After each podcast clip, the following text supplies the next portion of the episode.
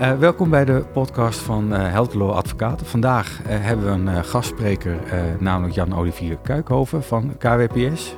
welkom Jan-Olivier. Dank je. Ja, um, en we gaan het hebben over de wet toekomst pensioenen. En u zult denken van, daar gaan ze weer. Um, we hebben het denk ik in eerdere aflevering vooral gehad over de pensioenfondskant ervan. Uh, persoonlijk vind ik dat nog het uh, meest ingewikkelde. Maar uh, waar ik vooral in geïnteresseerd ben, is hoe zit het eigenlijk met werkgevers met verzekerde regelingen? Want daar hoor je heel erg weinig over. Nou, zijn wij een advocatenkantoor, dus wij zitten wat, wat verder in het, in het, in het traject van, van wijzigingen. Vooral als het straks collectief wijzigingstrajecten starten. Maar jij zit veel meer aan het begin natuurlijk bij KWPS. Dus ik was erg benieuwd. Um, wat is jouw waarneming? Gebeurt er eigenlijk al iets in, uh, ja. in, uh, in werkgeversland met verzekerde regelingen of wachten ze af? Nou, er gebeurt wel wat.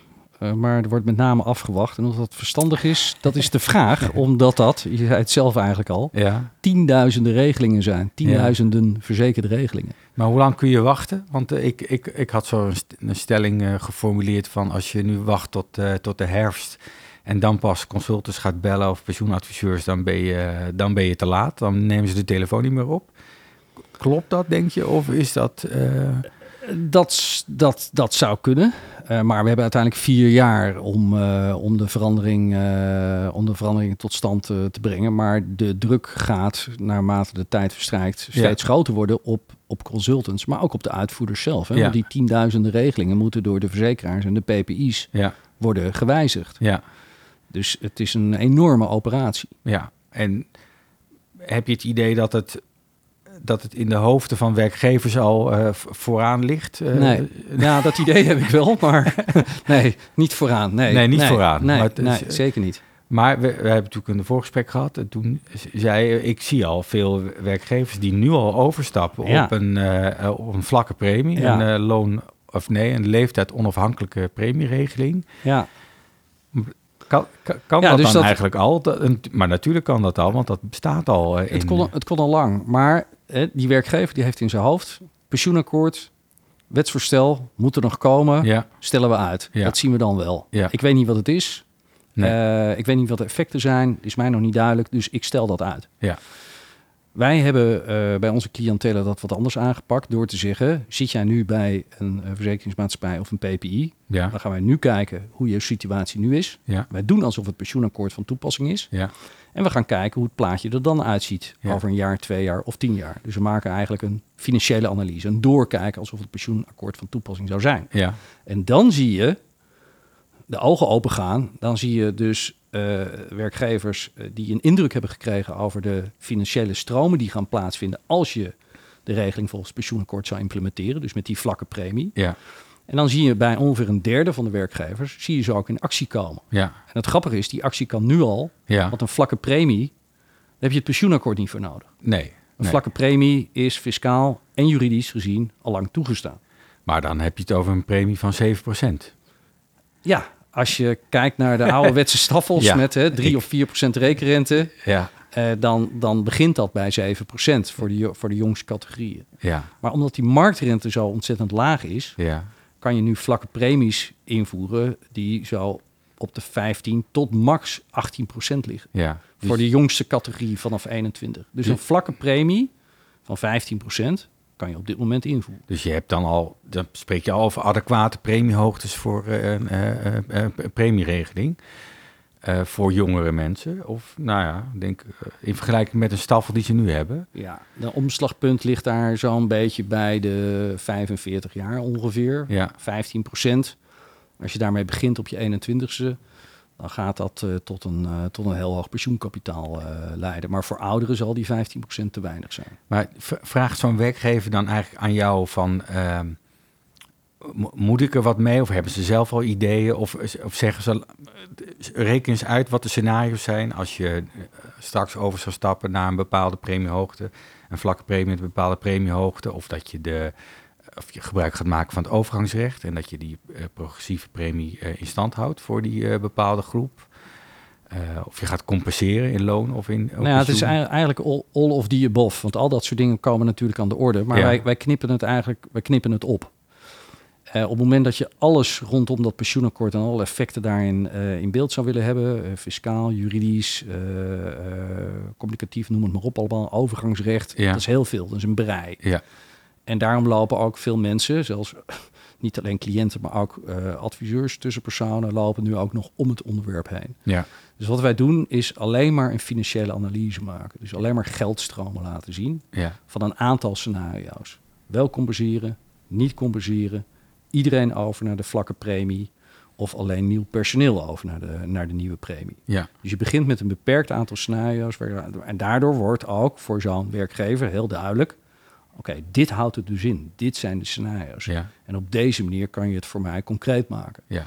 En dan zie je dus bij een derde van de werkgevers ook inderdaad, die komen dan ook ogenblikkelijk tot actie. Die gaan dus ook dan inderdaad veranderen. En dan ga je verder een adviestraject in, waarbij je vanzelfsprekend alle aspecten en ook het juridische instemmingsrecht in acht zult moeten nemen. En is je waarneming dat dus dan worden regelingen al getroffen. En, en wie stroomt daarin, in die nieuwe regelingen met die vlakke premie? Dat zijn nieuwe werknemers. Het, eh. het meest nemen wij nu, nu waar bij, bij onze klanten, maar ik hoor dat ook van andere consultants die ermee bezig uh, zijn, dat uh, in het algemeen de oude regeling of de bestaande regeling blijft bestaan voor het zittend personeel.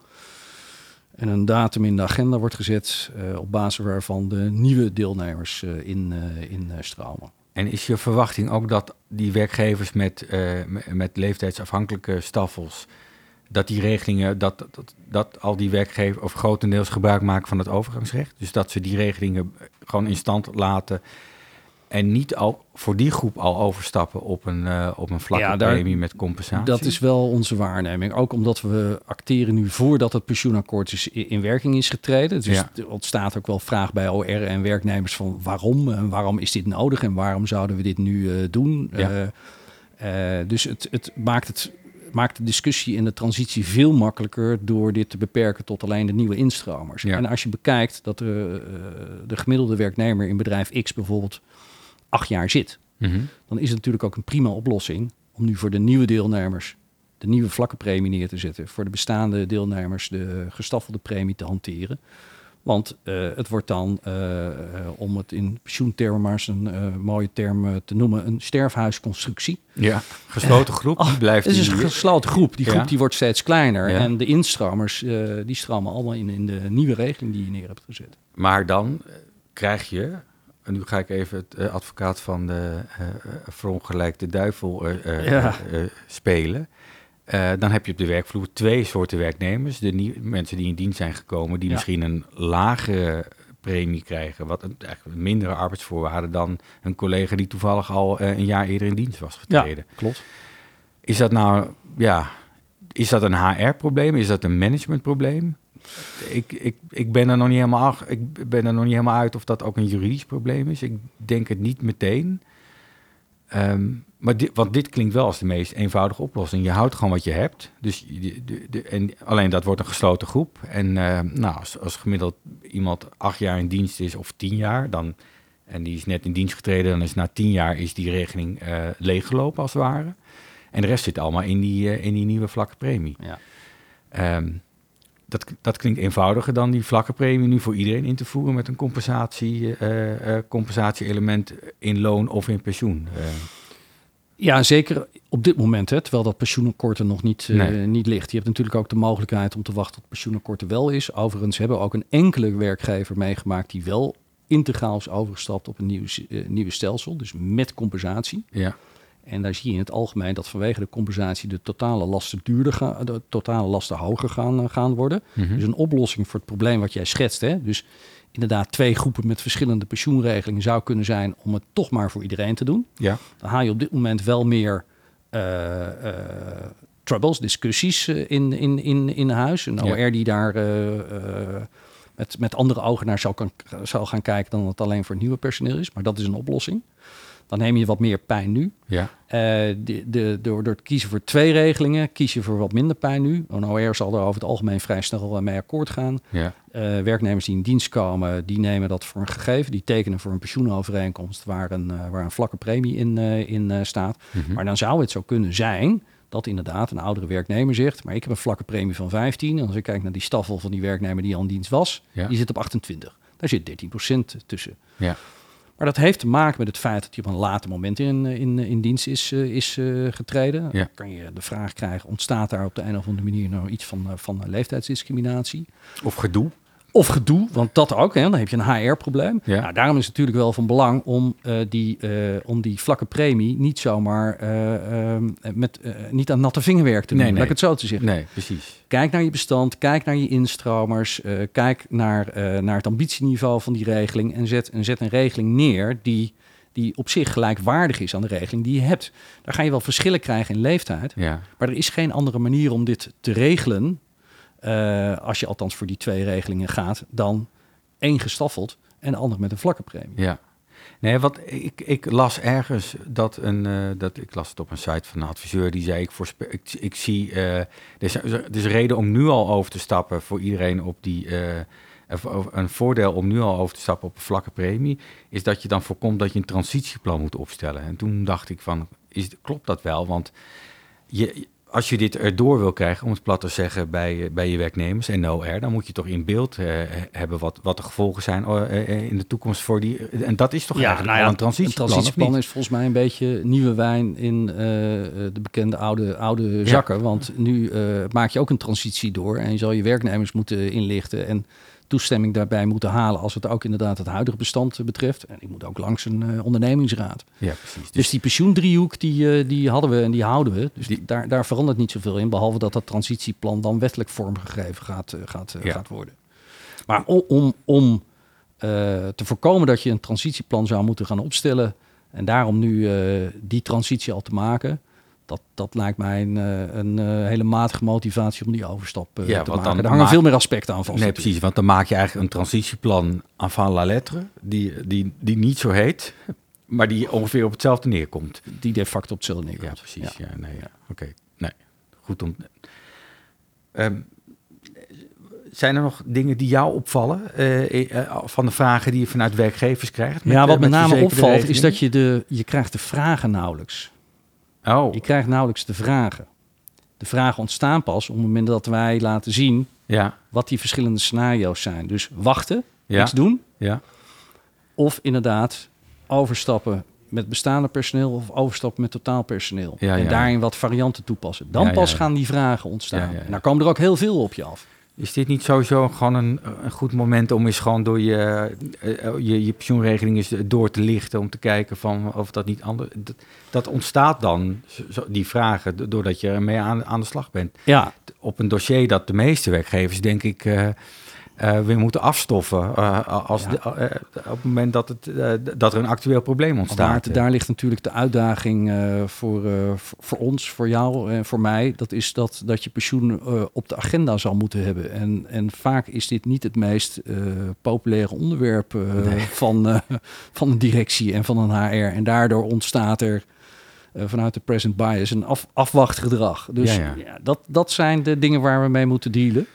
Nou, mijn afdonk is dan, afwachten is geen goed idee. Um, nu aan de slag gaan, ook al weet je niet welke vragen je dan gaat stellen, is toch nuttig. Uh, Als je nu aan de slag gaat en analyseert wat de verschillende scenario's zouden kunnen inhouden en je, en je constateert, dus gewoon buur op basis van de feiten en de cijfertjes, dat het niet verstandig is om die transitie nu te maken, ja. dan weet je dus ook dat je het kan laten zitten. Precies. En dat, en dat, is, dat is key natuurlijk. Op het moment dat, je, dat daaruit blijkt dat het wel verstandig is, ik noem maar eens wat, dat je bijvoorbeeld heel veel toekomstig instroom hebt en daar een andere regeling zou willen neerleggen. Dus dan leg je echt de, de, de, de, de, de, de, link ook met het HR-beleid. Mhm. Ja, dan zou het best wel eens kunnen zijn dat HR op dat moment zegt, maar wij willen juist, nu we dit weten, wel naar een nieuwe regeling. Ja. Dus dat is, dat is mijn suggestie. Ga nou juist wel kijken en wel een analyse maken zodat je weet inderdaad of je stil kunt zitten of, of kunt, uh, kunt uh, zeggen wij moeten nu toch binnenkort, misschien al voordat het pensioenakkoord in werking treedt, nu al gaan handelen. Want dat kan. Ja, ja. Je kan al tien jaar lang een vlakke premie neerzetten. Nee, nou, dan, eh, zullen we daarmee, dan eindigen we daarmee. Is het advies aan iedereen die nog niet weet welke vragen die heeft, om, het, om, na te gaan wat voor zijn organisatie nuttig is.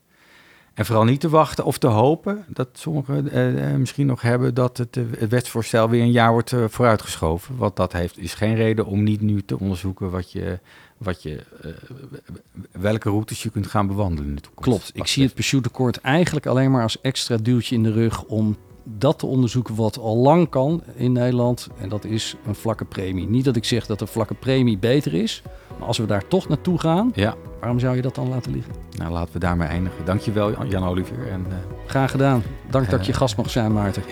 graag gedaan.